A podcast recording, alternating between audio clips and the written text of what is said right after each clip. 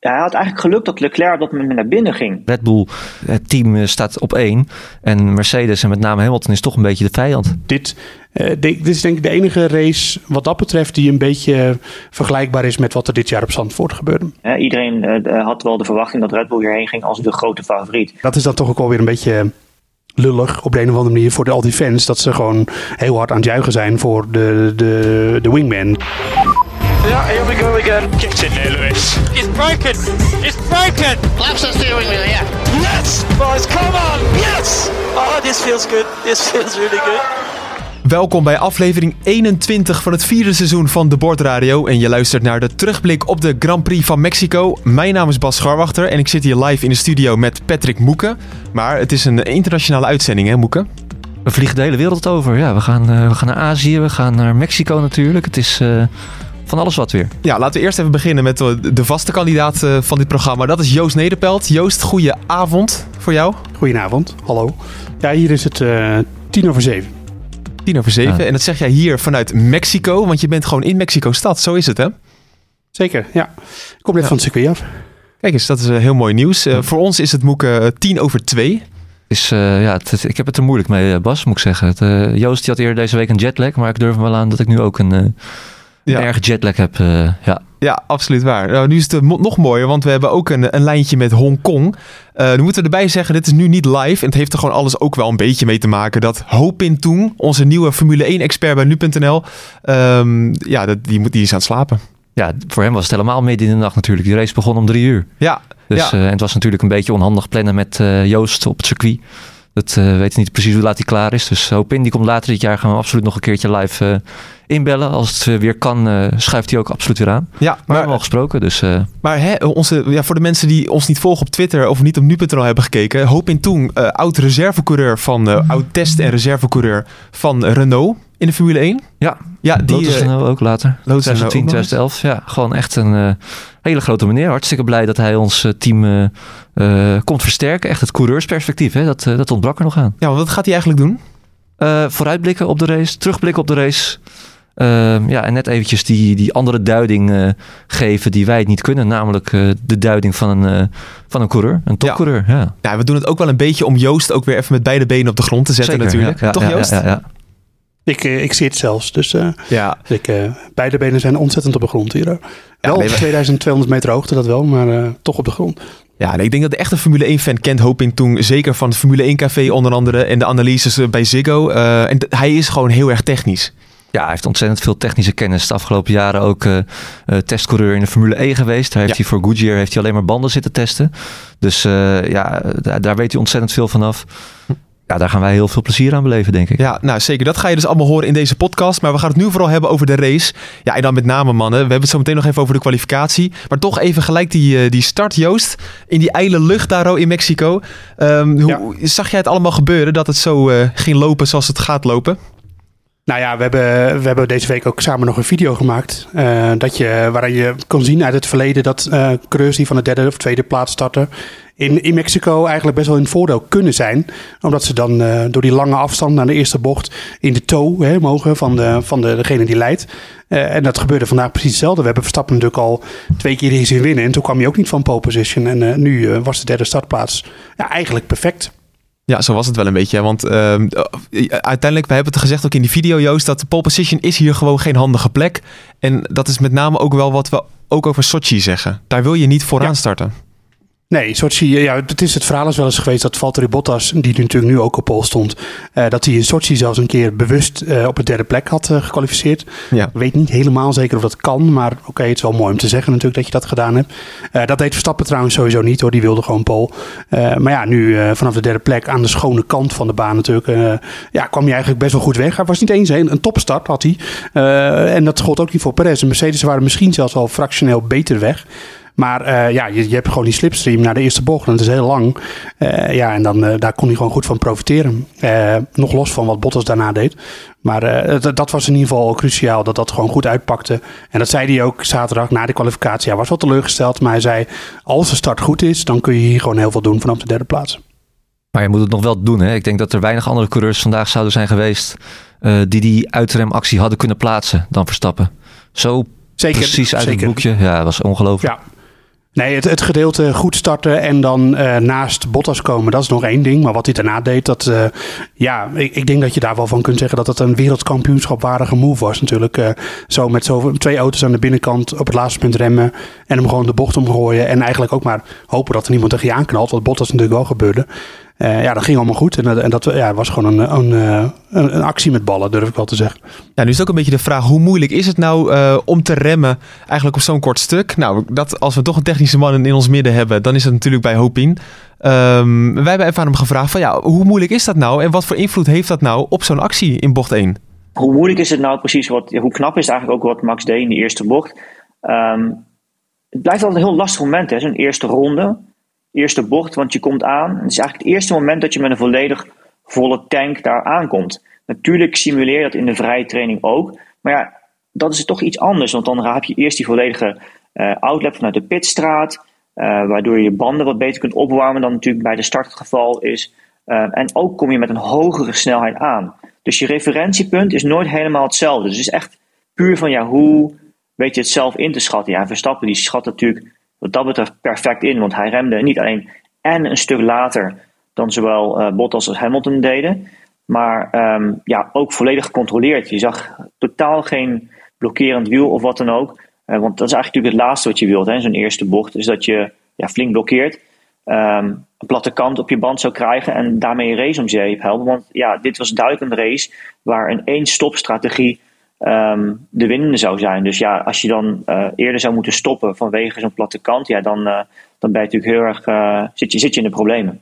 Ja, wat Hopin zegt eigenlijk van, het is niet alleen een goede actie door het uitremmen, maar met name ook, het is gewoon cruciaal voor de wedstrijd. Want je, heel veel kansen in de wedstrijd krijg je ook niet meer. Dus je moet eigenlijk alles of niet gaan. Nee, precies. En wat, je, ja. wat hij ook zegt, dat uh, stel je voor hij blokkeert wel zijn wiel. Hij moet eerder dan gepland een, een pitstop maken ja, dan ben je gewoon de klos. Dat ga je in principe niet meer goed maken. Ook niet meer met zo'n uh, veel snellere auto. Dus ja, het is uh, in alle facetten gewoon een, een, prachtige actie. Ja, grappig is eigenlijk Joost dat we op basis van die actie al konden concluderen van daar heeft hij mee gewonnen.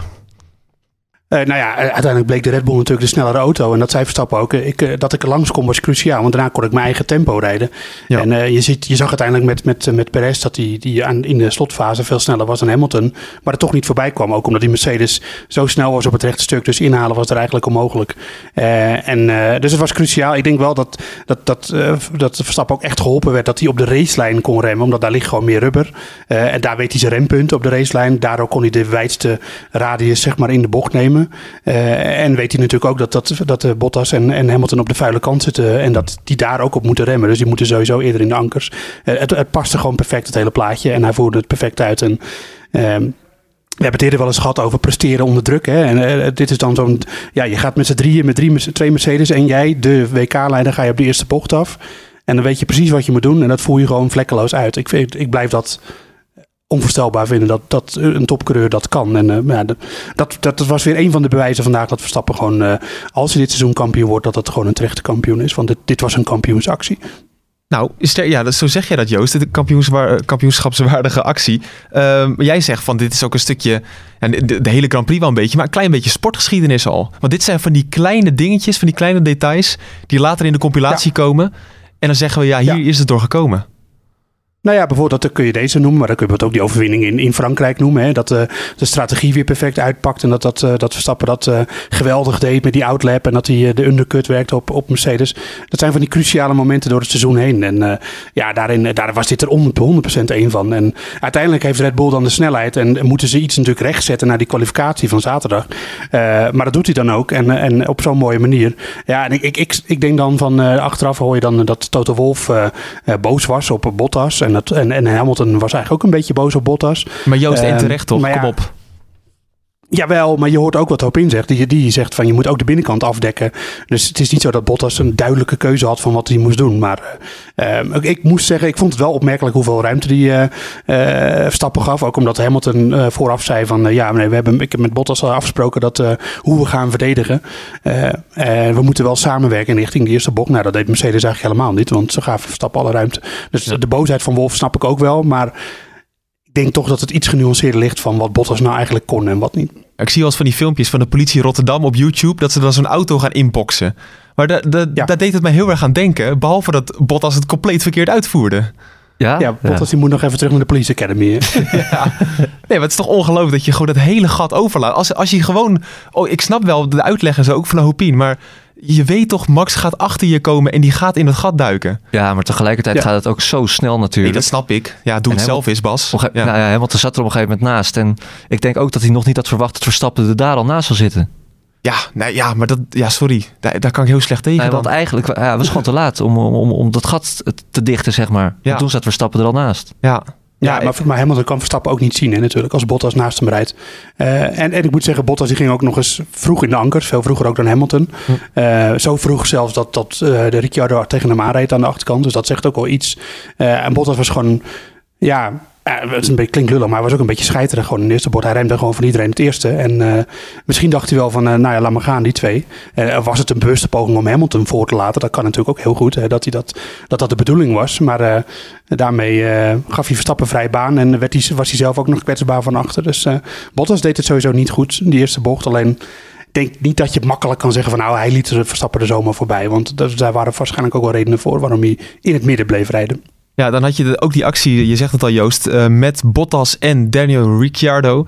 Oh ja, ik zat er ook met verbazing een klein beetje naar te kijken. Ricciardo was heel erg gretig. Eh, maar Patrick, hij kreeg geen, eh, geen straf. Ricciardo. Nee, daar had jij erg lopen over opwinden, hè, merkte ik al net. eh. Ja, ik weet het niet. Ik, ik vind namelijk toch wel dat hij een race van Bottas verpest door zijn eigen fout. Maar dat vindt dus de wedstrijdleiding niet zo. nee, en zeker Nee, in ik de- vond dus ook niet, sorry Nee. wat ik net zei, sorry dat ik even tussenin ga, maar ik vond dat Bottas heel vroeg remde.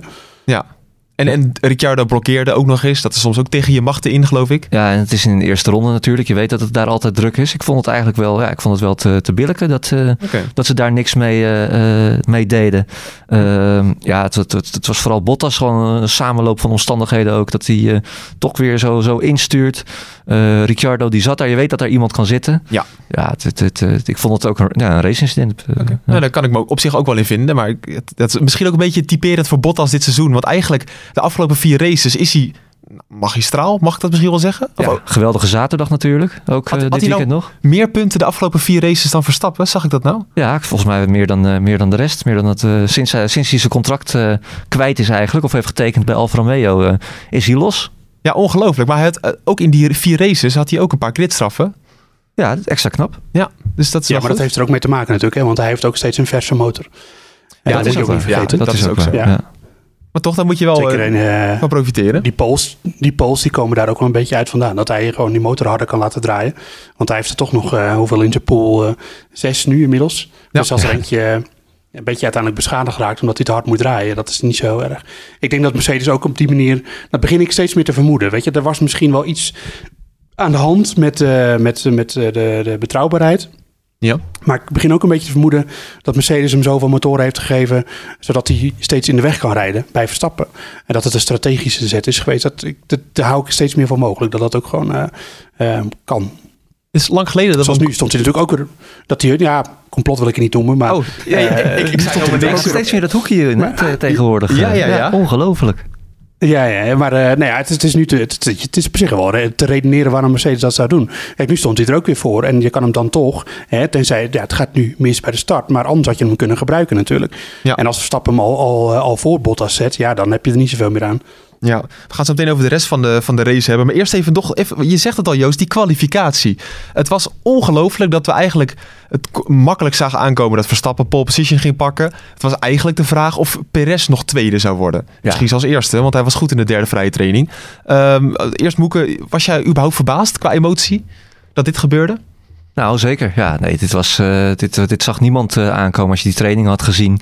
En opeens zie je dat, eh, ja, dat, dat Bottas dan op, eh op pol staat. Ik moet heel eerlijk bekennen dat ik zaterdag niet live de kwalificatie heb eh, gezien. Omdat ik bij wijze van hoge uitzonderingen eh, ja, stond te, te, lallen in de Ziggo Dome bij, eh, bij een... eh, Zeg maar gewoon waar je was, ja precies. bij, bij, bij een concert van eh, Holland Zingt Hazes. Ik heb echt een geweldige avond gehad. Die kaartjes had ik al heel lang, eh, nog voor de coronacrisis. Dus eh, ja, nee, toen ik, viel ik wel door, een beetje door de mand. Maar Ja. ja. ja, toen kreeg ik Wel op- alleen aan de 0.0 eh, gestaan, neem ik aan, of niet? uiteraard, ja, uiteraard. Ja, Ja, top, ja, top, altijd topfit 0.0, ook ja. daardoor vandaag. Nee, was Maar dan, Ja. is het, dan zit ik me voor, voor te stellen dat voor jou nog bizarder is dat je dan op je telefoon kijkt. Nou, ik dacht eigenlijk kat in het bakkie, want ik zat eh, Ja. de, de, de, de, de derde training, eh, die had ik gezien. Dat, dat was, ja, dat was niet eens spannend. Nee. En dat was eh, eenvoudig. En dan- dus ik, ik geloof het ook wel. Ja, het, eh, prima ook om juist deze kwalificaties te missen, omdat die toch wel voorspelbaar is. Ja, nu is toch een beetje de vraag: hoe heeft Red Bull het nou uit handen eh, gegooid?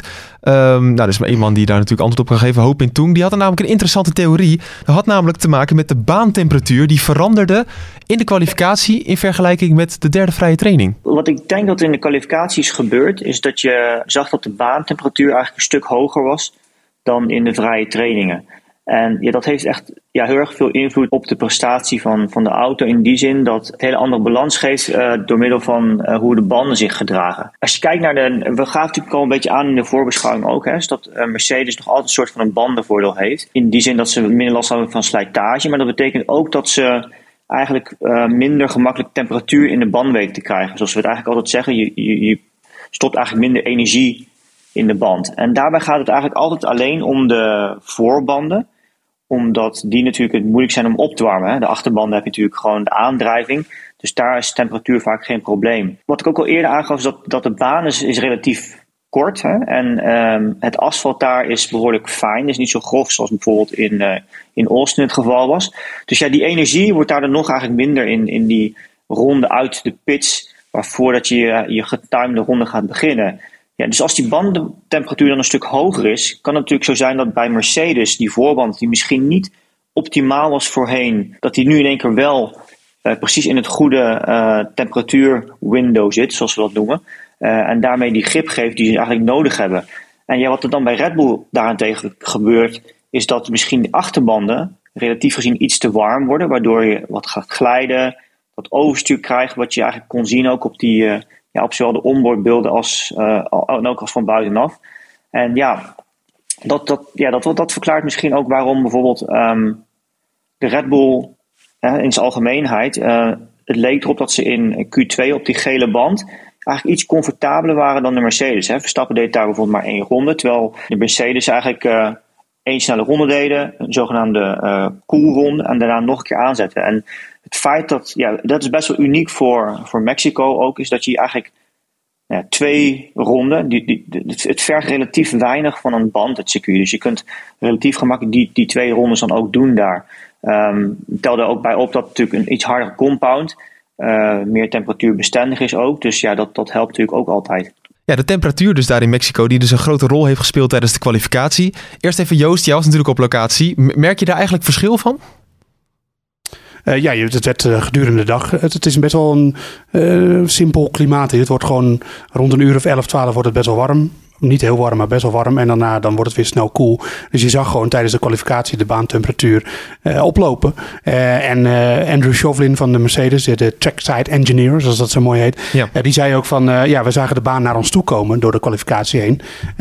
Op de rode banden dan, op de softbanden. En het, eigenlijk, ze hadden een probleem dat ze het niet goed op temperatuur kregen. En dat, dat werd opgelost omdat de baan gewoon warmer werd. De baan kwam naar ze toe, ja, zo heet dat dan. En, en ze zeiden, ja, Chauvelin zei, we zagen Red Bull steeds meer in de problemen komen. En dat gold dus ook alleen voor die, voor die eh, softbanden, wat Hopin ook zegt. En eh, de mediumbanden, daar was Red Bull gewoon sterk op. En Verstappen die zei ook na afloop van, ja, ja, die softbanden, daar gaan we morgen toch niet meer op rijden. Dus dat probleem, we moeten wel uitzoeken waarom dat fout is gegaan. Maar dat probleem is, speelt niet meer voor zondag. Nou, dat bleek, want op beide banden, dus zowel de medium als de harde banden, was, was Red Bull gewoon sterker vandaag. Nou, ik maak me natuurlijk wel een beetje zorgen voor, voor Brazilië, toch Moeke? Want dan kan je wel een beetje de situatie eh, die vergelijkbaar gaat zijn. Ja, maar tegelijkertijd, als, als dit klopt en ze weten waar het aan ligt, dan kan je het misschien ook wel oplossen. Dus Daar ben ik. ja, eh, en eh, ja, Interlagos is ook weer ander asfalt, andere temperatuur, precies. andere omstandigheden. Dus dat, dat is niet één op één met elkaar te vergelijken. Oké, is Misschien gaat het wel regenen. Ja, Nou ja, dat dit seizoen kan alles. Ja, dat, eh, ik, eh, ik ga er stiekem alweer een beetje van uit. Dat het, eh, Het leuke is. Braziliaanse regenrace, daar zit ik wel weer eens op te wachten. ja, hè? ja, als, het is Ja. toch wel een saai seizoen, dus dat kunnen we ook wel goed gebruiken dit jaar. Wanneer is de Ja, laatste, wanneer is de laatste keer geweest? Regenrace? Eh, oh, natuurlijk, eh 2016 natuurlijk. oh, in Brazilië ja, bedoel ik je? dat. Toen was het echt zeiknat, ja. Ja, Ja. ja. Heerlijk. maar dat weten we nog wel, die race. Ja, Maar ging aardig bij Verstappen toen. ja, ja. Ook al vergeten we ook wel eens hoe dominant Hamilton daar was. Als je die race wel eens terugkijkt. Kijk, Verstappen was geweldig omdat hij van zo'n beetje achteraan naar, naar P3 reed. Ja. Eh, maar Hamilton, die, die echt met een enorm gat won hij die race. ja, daar heeft niemand het meer over. Nee, mooi is dat hè? Ja, het is wel, Dat dat, is ook niet in beeld geweest, dus... eh, dat is nou de oranje bril. Denk ik. Nou, Ja. de hele wereld had het over Nee, Verstappen toen. Nou ja, dat is ook zo. Oké, nou goed, maakt, dat Ja. maakt allemaal niet uit. Dat is eh, Brazilië. Ehm, ik wil nog even van jou weten, Joost, die, die ijle lucht op 2200 meter hoogte. Merk je daar iets van? Ja. Ja, ja, zeker. Ja, nou, ik moet zeggen, ehm, jullie kennen mij. Ik heb niet de allerbeste conditie van de wereld. Dan druk ik me, Oh, vertel eens. me zo. Nou ja, goed. Ik kan, eh, ik ben gewoon, ik kan een uur squashen achter elkaar. Ja, dat vind ik ook best wel Squash is hartstikke zwaar. Ja, eh, zware sport. Dus ik heb ook niet de hele slechte conditie. Maar op puntje bepaald, ik kwam er wel op neer dat als je hier de trap oploopt, eh, zeker de eerste paar dagen, dan was ik echt gewoon compleet buiten adem. Terwijl als je gewoon normaal doet, zeg maar, dan heb je er niet zoveel, dan heb je het niet echt door. Nee. Maar ik heb ook wel van mensen gehoord die, die hoofdpijn ervan hadden. En, eh, maar daar heb ik zelf last van gehad. Maar moet je dan twee uur, of dan zit je twee uur in een Formule 1 auto? Dat lijkt me ook niet handig. Heb Ja. je daar nog coureurs over gehoord? Nee, de- ik, ik heb nooit gehoord dat Mexico nou, eh, dat de omstandigheden ervoor zorgen dat het een hele zware race is. Nee, Nee. dat hoor je eerder van, van races waar het heel vochtig is en, en eh, heet, zoals eh, Singapore. En, eh, want dat is, dat is echt zo. Eh, het, is hier, eh, de luchtvochtigheid is denk ik, ik moet ik zeggen, ik heb het niet gecheckt, maar ik kan dat merken aan mezelf. Ik heb hier vier dagen lang geen druppel gezweet. Het is gewoon, het is, het is helemaal niet zo, voor de rest niet zo'n uitdagende omstandigheden. Alleen het is eh, op 2200 meter hoogte, dus er is gewoon minder zuurstof. Dat merk je, dat merk je op een gegeven moment als je zomaar een trap inheen oploopt. Dan denk je van, eh jezus, ik ben dat ik boven ben. Ja, Verstappen zei dat trouwens wel volgens mij in de aanloop naar de, naar de race op donderdag ook. Hij zegt ja, het gek is eigenlijk dat je, eh, dat je inderdaad wat Joost zegt, als je buiten bent en je bent aan het lopen, dan heb je er last van. Of als je een trappetje op moet. Maar in de auto, nee, daar merkt hij helemaal niks eh, van. En gaat alles gewoon eh, prima. Ja. Zoals normaal. Nee, er waren ook nog een, een paar uitslovers hier onder het journaal die eh, aan het hardlopen waren. Maar die, eh, het schijnt wel iets zwaarder te zijn, maar eh, die hardlopen op de baan kan je dan altijd op eh, zaterdag. Eh, Vrijdag, denk kun je ik. dan, eh, Donderdag. Vrijdag, ja. Walk the track. Nee, eh, vrijdag deden ze het. Nou, het is, weet ik veel. Ze deden het op een avond. Maar die kwamen ook gewoon weer levend terug. Dus op zich is het wel eh, te doen, denk ik. Oké, nou dat is, dat is goed om te horen. En dan toch even die, die fase van die pitstops. Hè? Want ik was toch wel een beetje verbaasd dat, dat Perez niet eerder naar binnen ging dan Hamilton. D- dit was de klassieke undercut. undercut geweest toch, Moeke? Ja, dat, eh, dat, dat, dat was hem. Dat vroeg ik me ook af. Ik denk, ja, Red Bull kan de regie pakken. eh, maar ze doen het niet. Waar lag dat aan, denk je? Nou ja, volgens mij hebben we daar zo ook een, frag- eh, een fragmentje van. Zeker. Maar het zou natuurlijk heel goed kunnen dat, eh, ja, dat, dat- ze, kunnen dat heel goed uitrekenen van hoeveel verkeer is, op, is er op de baan, waar kom ik in terecht. Eh, dat Perez tussen het verkeer terecht zou komen. Ik kan me anders ook geen andere, eh, ja, andere reden bedenken eigenlijk. Nee, maar we weten toch ook nu Nee, inmiddels wel dat track position toch heel belangrijk is. Ja, ja ook, ook dat. Je kan hier wel redelijk inhalen natuurlijk. Maar ja, ze zullen het ongetwijfeld uitgerekend hebben. Ja, en sowieso stelde het ook wel dat, eh, dat het banden op de Red Bull gewoon heel goed bleven op de een of andere manier. Die mediums zeker. Perez kon natuurlijk ook heel lang door. En ik heb ook het idee dat hij aan het begin eh, kon hij namelijk Hamilton helemaal niet bijhouden. En toen dacht ik, oh, daar gaat Perez weer. Die kan het, eh, het feest van Hamilton en Verstappen niet volgen. Maar ik denk dat hij toen ook gewoon aan de banden sparen is geweest. Dus eh, bij Red Bull was het denk ik niet nooit de bedoeling om Perez snel binnen te halen. Meer eh, te doen wat ze uiteindelijk deden. Dus lang doorrijden, want die banden bleven toch goed. Eh, hij bleef ook nadat Hamilton gestopt was nog goede tijden rijden. En, en dan het op die manier te proberen. Maar ik denk toch dat er een kleine mogelijkheid was om een undercut te doen. Of, of in ieder geval nee, om te reageren op Hamiltons undercut bedoel ik eigenlijk. Toen hij in het verkeer zat. Maar dat deden ze niet. En ja, misschien was het daar te weinig ruimte voor. Of te weinig tijd voor om dat te beslissen. Ja, dat over die, de weinig ruimte. eh Hopien legt even uit hoe dat onder andere werkt eh, bij de pitbox van, eh, van Mercedes bijvoorbeeld. Want die hebben natuurlijk veel meer materiaal tot hun beschikking om te kijken ja, in welk gat je terecht moet komen. Kijk naar Hamilton. Eh, het had voor Hamilton ook anders kunnen uitpakken. Hè? Hij maakte op een gegeven moment ehm, natuurlijk de pitstop. En toen kwam hij terecht achter eh, Leclerc volgens mij op de baan. En hij had eigenlijk geluk dat Leclerc dat moment naar binnen ging. Want stel je voor dat Leclerc dus niet was gestopt die ronde. eh, en je zit daar dan in één keer een paar ronden klem achter, achter hem. Ja, dan, dan is dat hele voordeel van die undercut, is, eh, zoals we dat zeggen, is, is, is dat in één keer weg. En eh, die Formule 1 teams die daar op de pitwall zitten, de engineers en de strategisten, die hebben een systeem voor zich. Dat vaak werkt het in een cirkel, waarop alle auto's te zien zijn. En het is eigenlijk zo dat ze precies kunnen uitrekenen ehm, waar ze terug zullen komen op de baan. Dus het kan maar zo zijn dat eigenlijk voor Perez dat het, dat het moment niet zo gunstig was. En Mercedes heeft die gok genomen, denk ik. eh, wat eerder. En dat ja, is eh, wat dat betreft voor hen relatief gelukkig uitgepakt. Wat ik zei, omdat Leclerc uiteindelijk besloot om, om te stoppen. Misschien hadden ze zelf uitgerekend dat ze voor hem op de baan zouden komen. Dat was dus niet het geval. Dus dat had eigenlijk ook heel slecht kunnen uitpakken. Ja, inderdaad, dat stukje geluk dat Leclerc eh, naar binnen ging, dat was cruciaal. Uh, maar toch vroeg ik me ook nog een beetje af, Moeke, dat ik dan uh, die graphic in beeld zag dat Perez twee tienden ervoor lag, als hij direct de ronde daarna naar binnen was gegaan. Ja, maar die graphic houdt natuurlijk geen rekening met het verkeer wat dan op de baan rijdt. Die kijkt alleen maar naar de tijd. Ja, maar dan denk ik toch van, ja, hij, ze waren echt in de buurt. Nou ja, als Perez, ja, weet ik niet. Als Perez uh, zegt dat zijn banden goed zijn en je zag hoe dicht hij op het eind er nog erbij kwam, dan was dit waarschijnlijk uh, gewoon hun beste kans om die tweede plek te pakken. Maar ja, het was het net niet. Ben je het daarmee eens, Joost? Nou, ik denk dat je wel kan redeneren waarom ze het niet gedaan hebben. Uh, want het is, het is natuurlijk wel zo dat je. Uh, het is een kleine kans dat je dan voor hem komt. Je pitstop moet perfect zijn. Uh, en dan moet je, kom je in duel met Hamilton met gelijkwaardige banden.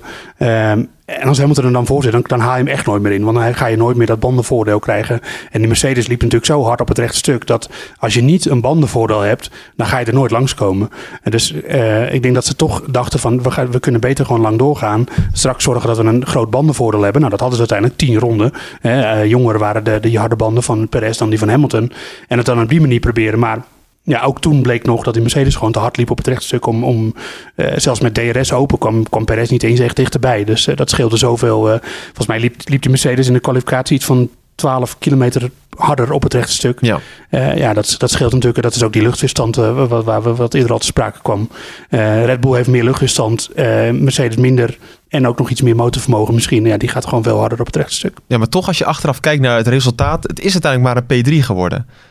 Dus ja, dat, dat is achteraf was. Maar dat is natuurlijk zo. Dat, dat je weet niet van tevoren. Ik denk dat Red Bull echt dachten dat ze, dat ze een, een goede kans hadden om Hamilton met een groot bandenvoordeel alsnog te, te verslaan. En uh, ja, dat is niet gelukt. En het had wel gekund, denk ik qua snelheid die Perez had gekund. Want hij reed elke keer naar Hamilton toe. Alleen ja, dan net niet genoeg om, om, om hem ernaast te zetten een keertje. Ik wil die stap wel even maken direct naar het einde van de race. We hebben het er nu toch over. Um, het was wel een beetje Austin all over again. En we waren heel erg lovend over hoe Verstappen zijn positie verdedigde ten opzichte van een Hamilton. Eigenlijk deed Hamilton exact hetzelfde als wat Verstappen deed. Ja, zo zou je het ook uh, kunnen doen, hè? ja. kunnen, kunnen redeneren. Ja, ik denk ook, je ziet hier toch ook wel het verschil tussen de echte top-topcoureurs. Uh, Lewis Hamilton, Max Verstappen en Sergio Perez, die zit daar gewoon net onder. Hm. Zowel qua snelheid, hij is toch telkens net iedere ronde even een paar tienden langzamer dan, uh, dan Verstappen dat is. ook, hij, moet, hij weet al dat hij van hele goede huis moet komen om Hamilton überhaupt te kloppen. Ja, hij kon aansluiten, maar ik, heb, ik weet niet hoe dat met jullie zit, maar ik heb nooit echt het gevoel gehad van nou, hij gaat hem nog pakken. Nee, nee alleen... Nou, hij reed er op een gegeven moment naartoe en toen, toen dacht ik van nou, wat, kijken wat er gaat gebeuren. Als hij één keer een goede, goede exit heeft uit die, eh, die uh, laatste bocht en of hij hem dan een DRS voor kan zetten. Maar ja, uiteindelijk bleek het gewoon een beetje... Dus eigenlijk bleek het gewoon zinloos achteraf, want hij, hij ging hem nooit voor, voorbij krijgen op het rechte stuk. Nee, precies. Ik, ik heb hier ook de topsnelheid uit, de, uit de, de, de race voor me toevallig. En daar staat toevallig. Perez... Uh, Toevallig heb ik net even bijgezocht. Perez 349 km per uur. Uh, dat is in een tow dan geweest. Ja. Hamilton 350. Maar Bottas ging 356. Die staat bovenaan het lijstje. Dus uh, ja, dat, dat, zat er in de Mercedes. Ja, precies. Ja. Ze, hadden gewoon, ze waren gewoon niet snel genoeg op het rechtstuk. Verstappen trouwens 343 op het rechtstuk. Snelste tijd. Hm, keurig. Dat telt ook allemaal mee natuurlijk. En dan moet je natuurlijk misschien in je strategie het ook rekening mee houden van hoe groot is de kans dat ik iemand überhaupt kan inhalen. Um, een ander ding, eh, ik weet niet of jullie die sneer nog horen die Hamilton uitdeelde aan Perez uh, direct nadat ze uit de auto's waren gestapt. En je moet hem zo, zo vertellen, maar ik vind nu al, misschien heb ik te veel mening in deze podcast hoor, maar dat dat ook wel weer een beetje onnodig is. Een beetje arrogant zelfs. Joost? Van Hamilton? Ja. Ja, maar, ja, maar ik bedoel, het, het, hij moet dat natuurlijk niet zeggen. Maar wat hij zei hij dan, uh, het, het, feit dat Checo me zo goed bij kon houden, dat betekent dat Red Bull veel sneller was. Daarmee zegt hij eigenlijk, uh, ja, als, als hij hem al bij kan houden, dan, dan weet je wel dat Red Bull heel snel is. en, en zo bedoelde hij dat ook. En ja, dat is niet heel aardig om te zeggen, maar nee. hij had wel gelijk.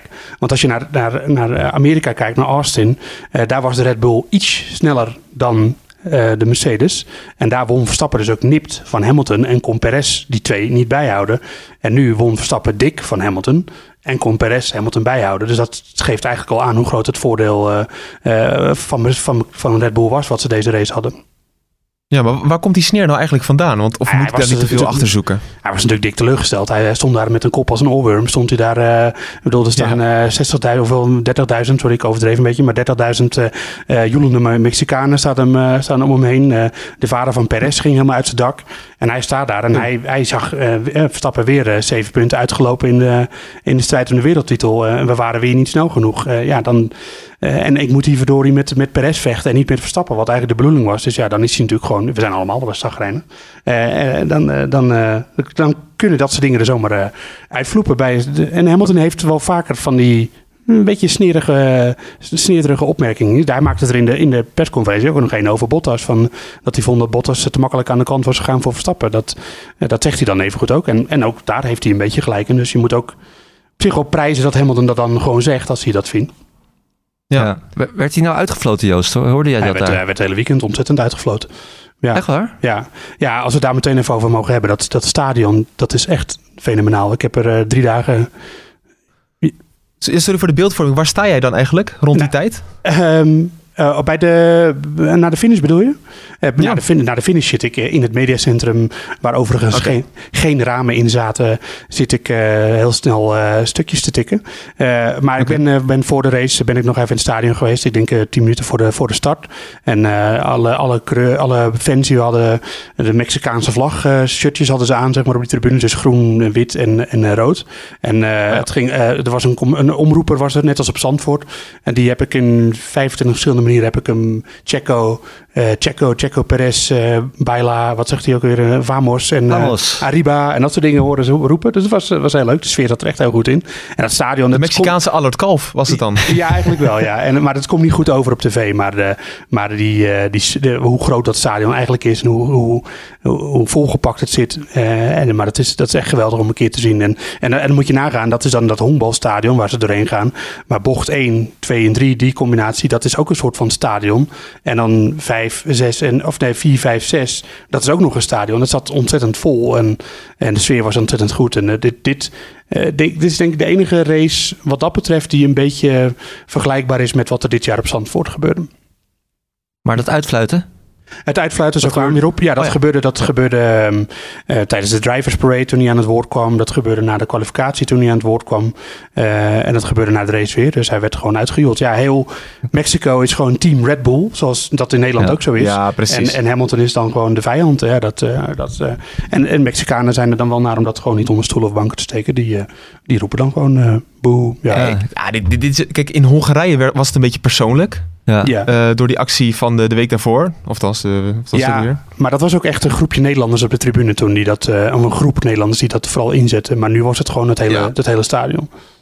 Ja, dat was ook vlak na Silverstone. Dus het lag allemaal nog heel erg gevoelig natuurlijk. In Spa is het dan een beetje rivaliteit. En dat is dit eigenlijk ook, hè? Ja, ik, ik, ik sprak in de aanloop naar dit eh, weekend ook met een Mexicaanse journalist van Oh. eh, ESPN. Leuk. Maar die legde dat ook heel goed uit waar dat dan eh, vandaan kwam. Het is ook niet zo dat Mexico heel veel goede sporters heeft.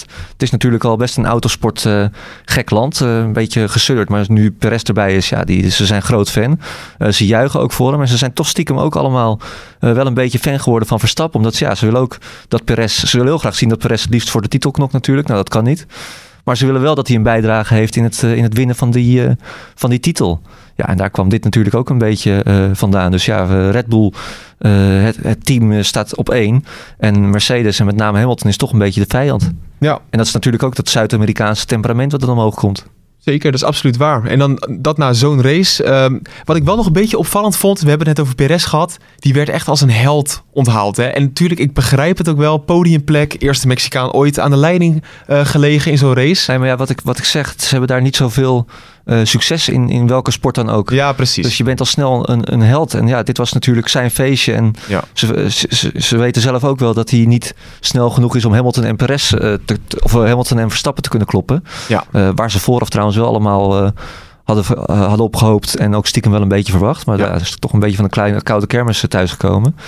Maar eh, ja, ze zien dat dit het, eh, het, eh, het maximaal is voor, eh, voor onze vriend Checo. Ja, maar dat, ja, Joost, het maximale dan, hoe, hoe moet ik dat zeggen? Ik begrijp het wel. Maar hij werd al zo als een held onthaald. Terwijl ik ook wel een beetje dacht, ja, zijn missie is niet compleet geweest, deze race. Nee, maar ik dacht dat eigenlijk het hele weekend al. En eh, als je hier eh, rondrijdt of rondloopt, dan zie je Perez, nou, ik zal niet zeggen overal, maar je ziet hem wel heel veel. In winkels staan van die afbeeldingen van hem en zo. Grote billboards hier langs de snelweg. Hij is overal. Mooi hoor, natuurlijk. ja, ja, dat is fantastisch. En, en dat het hele, ja, dat, eh, overal was de Checo voor, Checo na. En, en ik loop daar dan rond en ik ben dan eh, een Nederlands journalist, dus ik ben vooral eh, Verstappen natuurlijk aan het volgen. En ik denk dan van, ja, het is allemaal leuk voor jullie, maar eh, hij is gewoon verreweg tweede coureur naast Verstappen. En het ging natuurlijk al over dat hij thuis kon winnen. Nou, toen werd donderdag werd ook nog de, in, de, in de persconferentie de vraag gesteld van, wat nou als jij eh, aan kop rijdt en eh, Verstappen rijdt achter je, moet je dan aan de kant? Ja, toen zei hij ook een beetje op een soort van smekende toon van, nou, ik denk wel, ik, ik ga er wel vanuit dat Red Bull me wel gunt hoor, hier, dat ze me de zegen wel zouden gunnen. En ik dacht, nou, dat gaan ze helemaal niet gunnen. En later kwam Christian Horner aan het woord. En die zei, zonder het letterlijk te zeggen, dat Checo gewoon aan de kant zou moeten. En eh, ja, dat is dan toch ook wel weer een beetje lullig op de een of andere manier voor de, al die fans. Dat ze gewoon heel hard aan het juichen zijn voor de, de, de wingman, de tweede coureur, zeg Ja. maar. En dat, eh, dat, dat was eigenlijk, werd dat door het weekend heen steeds meer duidelijk. En ik, ik denk dat de helft dat ook stiekem wel weet. Ook die, die eh, journalist die uitgesproken, die zei dat ook wel duidelijk. Van Verstappen verplettert Perez. Eh, maar ja, ze hadden natuurlijk nog stiekem misschien de hoop dat, eh, dat Perez kon winnen. Eh, maar eh, ja, Verstappen was niet bij te houden. En zeker niet voor Perez. Ik denk wel dat als stel dat je zo'n situatie in Nederland hebt, hè, dat, dat, dat Verstappen juist die tweede man was van een andere snelle teamgenoot. Vroeger hebben we dat natuurlijk gezien met, eh, met Jos Verstappen en Michael Schumacher. Dat wij dat toch ook wel zouden hebben. Dat wij dan toch Ja, 100%. als fans trots zijn dat, dat, dat hij dan teamgenoot van is. Want hoe, voordat eh, Max natuurlijk kwam, eh, hoe vaak hebben, we, eh, hebben wij als Formule 1 fans al niet gezegd, ja, maar Jos was ook gewoon een prima carrière gehad. 94 was hij gewoon een teamgenoot van Schumacher. Juichen met die derde plek op het podium in Hongarije. Ja. Ja, fant- f- fantastisch. Dus ik denk, ik denk dat je er zelf er ook wel snel bij neer kan leggen. En het is natuurlijk ook ontzettend uitzonderlijk ja, wat Verstappen doet. En, en hoe goed hij eigenlijk is natuurlijk. Ja, 19 punten. 19 punten. Helft van de, alle races tot nu toe eh, heeft hij gewonnen. Verstappen, 18 races gereden en 9 gewonnen. Dat zijn, dan, dat zijn gewoon goede cijfers. Al vaker gezegd, maar het is eigenlijk nog raar dat het zo spannend is. Hè? Ja, Eigenlijk, het had al eh, volgende week klaar kunnen zijn. Als je, nou, ja. dat weet ik eigenlijk niet, heb ik niet uitgerekend. Maar als je Baku en al die ongelukjes er even afhaalt, Silverstone Dat, Ja. eh, dat eigenlijk En, niet eh, meer spannend mogen zijn. en Hongarije. Nee, Bak, Baku, eh, Hongarije, Silverstone. En natuurlijk het feit dat Hamilton eh, in Imola eh, in de grindbak stond en er toch weer uit eh, wist te komen. Oh, ja, die ja, dat zou je nog vlag. echt vergeten. ja, als je dat dat, soort dingen allemaal terugtelt. Ja. Ja, Was dat zou je elke, elke podcast zou je dat herhalen. Ja, Ja, dat ben ik helemaal vergeten. ja. Ja. Maar goed, ik breng het maar weer eens te sprake. Maar dat zijn Ja. gewoon cruciale momenten. En natuurlijk, dat hoort bij een kampioenschap. En eh, je hebt het niet altijd in de hand. En eh, kijk, dat Hamilton, eh, die zet natuurlijk ook snel van knopje verkeerd eh, in Baku. Als je zo terug gaat redeneren. Maar je, je kan gewoon prima beredeneren dat Verstappen veel verder had voor moeten staan. En, eh, eh, en dat, is ook, dat blijkt ook uit de snelheid van de auto. Die, ze zijn gewoon op de meeste circuits tot nu toe de snelste geweest. Er kwam natuurlijk een beetje een soort van kentering in naar Monza, naar Rusland, naar Turkije. Toen Mercedes drie races op rij gewoon sneller was. Eh, ik denk dat er toen wel grote zorgen ontstonden bij, binnen het Nederlandse, de Nederlandse fanclub. Maar eh, ja, dat heeft Red Bull toch wel weer aardig rechtgetrokken. Ja, en dan nu inderdaad zegen nummer 9. ik zag trouwens ook dat ehm, Verstappen nu Ayrton Senna voorbij is. Met de meeste overwinningen met een Honda-motor achter zijn rug. Ja, moet wel. Het zet de, kleine kanttekeningen bij dat, eh, dat de seizoenen voorheen veel korter waren. Ja, dus dat dat, Senna, eh, ja, dat niet helemaal 100% een regelrechte vergel- vergelijking. Maar het is eh, ontzettend mooi natuurlijk, ja. Ja, nee, het is toch van die die, af kan vinken. van die kleine details dat je toch denkt van wow, hij is al, al Senna voorbij. Weet je, die fase zitten we al. Ja, het gaat hard. Het Nou, in dit geloven. opzicht. In dit opzicht. hè. Laten Ja. we rustig aan. Ja, ja, Kijk, één ding weet hij zeker. eh, Honda die stopt eh, na dit seizoen. Dus voorlopig gaat er geen coureur weer met, eh, met een Honda motor negen races in een seizoen winnen. Nee. Nu is ook een beetje de vraag, hoe cruciaal is deze zegen nou voor Max Verstappen? Dat eh, vroegen we ook even aan eh Hopien. Ja, eh, aan de ene kant is deze zege hier in Mexico natuurlijk heel belangrijk. Want ehm, ja, het gat met eh, Hamilton is nu 19 punten. Wat eh, nou ja, natuurlijk eh, een groot gat is. Dat gezegd hebbende, één slechte race, één uitvalbeurt eh, kan natuurlijk volledig omgooien. Ehm, maar dit was natuurlijk tegelijkertijd ook wel een race die een soort van, nou ja, eh, Red Bull kon deze race meer verliezen. Eh, dan, dan, dan dat ze hem konden winnen in die zin. Hè. Iedereen eh, had wel de verwachting dat Red Bull hierheen ging als de grote favoriet. Eh, waar ze in Austin, de afgelopen race, in Amerika was het natuurlijk omgekeerd. Iedereen verwachtte daar eigenlijk van, nou, deze race is duidelijk voor Mercedes. En, en dat was veel meer eh, een teken hoe, ja, hoe sterk Red Bull en hoe goed Verstappen op dit moment zijn. uh, in, in op dit moment in het kampioenschap. Dus ik denk, natuurlijk draagt het aan punten technisch gezien heel erg bij um, richting de wereldtitel. Maar deze zat al wel een soort van in, in de pipeline, denk ik. Ja, daar is absoluut geen, geen woord aan gelogen. Maar wel interessant dat je, je kon alleen maar deze wedstrijd verliezen. En dat gaat in Brazilië natuurlijk ook gebeuren. Hè? Ja, wel in iets mindere mate. Want om al die voordelen die we, die we al vaker hebben gehaald, aangehaald, die, die gelden daar toch minder.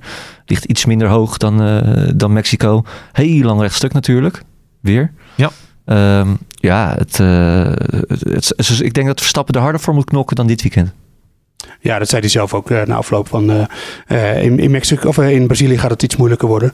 maar hij had natuurlijk nu ook wel een kolossale voorsprong in de race op, op Hamilton. En hij hoeft in principe maar iets sneller te zijn. de druk ligt nog steeds gewoon bij Mercedes natuurlijk naar, naar Brazilië toe en, en, en, niet bij Red Bull. En, en Stel dat hij tweede wordt, ja, dan heb je nog steeds een, een marge. Dus uh, dat is natuurlijk het voordeel van dat je voorstaat, dat je ook een beetje een marge hebt. Uh, en daarna komt uh, Qatar. En ik denk echt dat dat een Red Bull baan gaat worden. Dus het, het, ziet er gewoon echt wel heel goed uit hoor, voor Verstappen. En, en of hij nou, ja, ik denk dat hij gaat winnen in Brazilië persoonlijk. Maar het, het, ziet er echt heel erg goed uit en de druk ligt ontzettend bij Mercedes. En ik zag vandaag ook bij Hamilton, eigenlijk wat ik net over had, ook een beetje verslagenheid voor het eerst. En, en Wolf die dan uithaalt naar zijn coureurs en zo, dat vind ik, was niet des Mercedes per se. En dat, eh, dat vond ik dan toch wel uh, misschien een klein eerste voorteken. Ze leggen zich er natuurlijk niet bij neer, dat bedoel ik niet. Maar een klein eerste voorteken van, nou, het wordt nu, begint nu wel heel erg moeilijk te worden. Maar ze laten een beetje hun hoofd al hangen, eigenlijk. Nee, dat zeg ik niet. Maar het is meer dat ze beginnen te beseffen dat het, dat het wel eens moeilijk kan worden. En uh, ik bedoel, uh, een, een, organisatie uh, met zoveel mensen en zoveel miljoenen, die gaat niet die gaat niet uh, de meeste, die laat in het hoofd niet hangen. Die gaan het niet opgeven. Uh, er zijn natuurlijk ontzettend nog, er zijn nog uh, vier races te gaan. Er zijn in potentie nog 104 punten te verdelen of te, te, te pakken. Dus ja, dat, oh, ja. dat, dat, kan allemaal nog gebeuren. Dus dat, we moeten niet doen alsof Verstappen er al is. Zeker niet. Maar als je gaat kijken naar waar we naar Turkije, dat, dat Patrick daar vandaan kwam, hoe het er toen voor stond en hoe het er nu voor staat, dan, dan, ja, dan is het natuurlijk toch wel gewoon weer een ommekeer geweest. Ja, zijn het, er 100, zijn het er 104 eigenlijk? 107 zijn het zelfs. Zeker. Met de sprintrace volgende week. Sprintrace. Oh, sprintrace. Ja, ja krijgen we ook nog even tussendoor. Ja, ja. ja, ja zo inderdaad. Ja. gaat die sprintrace nog het verschil maken in het kampioenschap? Dat zal toch niet? Ja, nou, dat zou wel, uh, dat zou wel wat zijn, inderdaad. Ja, ja nee, de sprintrace ook nog, ja. Dus uh, die uh, nou, kun je nagaan. Um, maar ja, dat, dat is natuurlijk ook van, van zo'n sprintrace. Als je auto dan dat weekend sneller is, dan kan je extra profiteren. Dus um, extra reden voor Verstappen om te hopen dat de auto daar ook gewoon heel goed doet. Ja, vast onderdeel uh, in de podcast is natuurlijk ook het NuSport GP-spel. Daar gaan we even naar kijken. Want uh, Moeke, je eigenlijk was best wel een voorspelbare uitslag op de kwalificatie na. Maar zijn er grote verschillen gevallen in het algemeen klassement? Nee, het, het, het zat allemaal redelijk dicht bij elkaar. We hebben vier weekwinnaars. Zo. Ik noem ze even snel op. Ruben Aardema, David van der Brand, Mark S. En let op, Nando Loris. Nando Norris? Nando Loris. Nando Loris, zo grappig. dat is een leuk je Ja, de enige echte. Ja. Allemaal 115 punten. Uh, verschillende teams hadden zij trouwens. Dat is wel ja, grappig. grappig ja. Je kon uh, een team hebben met Hamilton en, uh, en Verstappen en twee koekenbakkers ernaast. En daarnaast was ook het winnende team Verstappen, Gasly, Sainz en Kimi. Die trouwens een keurige puntenfinish had dit weekend. Ja, ja, we gaan, heel veel dingen zijn we natuurlijk vergeten. Ook Gasly, die dan bijvoorbeeld vierde is geworden. Vierde, ja, helemaal ondergesneld. Voor de Ferraris. Ja, niet te geloven. Ja, voor de McLaren's. Uh, maar onze grote vriend, Joost Nederpelt, keurig op de 24e plek deze week. Dus hartstikke goed, uh, Joost, met 108 punten. Helpt het toch om erbij te zijn dan blijkbaar. Ja, daar ga je al, hè? Ja. Uh, ik op plaats 112, 101 punten. En Bas plaats 156. Ja. 98 punten. Ja, het, is echt, het zat volgens mij, uh, jullie verschil was dat jullie dan wel Perez op P3 hadden. Oh, dat, dat, was het dan. Ja, precies. Goed hoor. Uh, ja, de koploper al maandenlang P2 van de Horst. Hartstikke goed, P2. We er zelfs een discussie nog. Is het echt P2? Of is het altijd een ja, spelfout? Ja, P2. Ik, ik heb die naam nog nooit gehoord. Bijzondere naam. Ja, ik vind het mooi. Ja, mooi. Ja. Uh, nieuwe nummer 2, Volkan Kap Kapkoert. Ik hoop dat ik het goed zeg. En uh, Niels Dros op plaats 3. Zijn nog allemaal hartstikke dicht bij elkaar. Bloedstollend spannend. Uh, Spanning en sensatie. Ja joh. Uh, even snel onze tussenstand. ik op plaats 40. Bas op plaats 117. Joost op plaats 249. Klasse. Ik kom steeds dichterbij. Ja, die top 200 is in zicht. Te laat ingezet, denk ik. eh.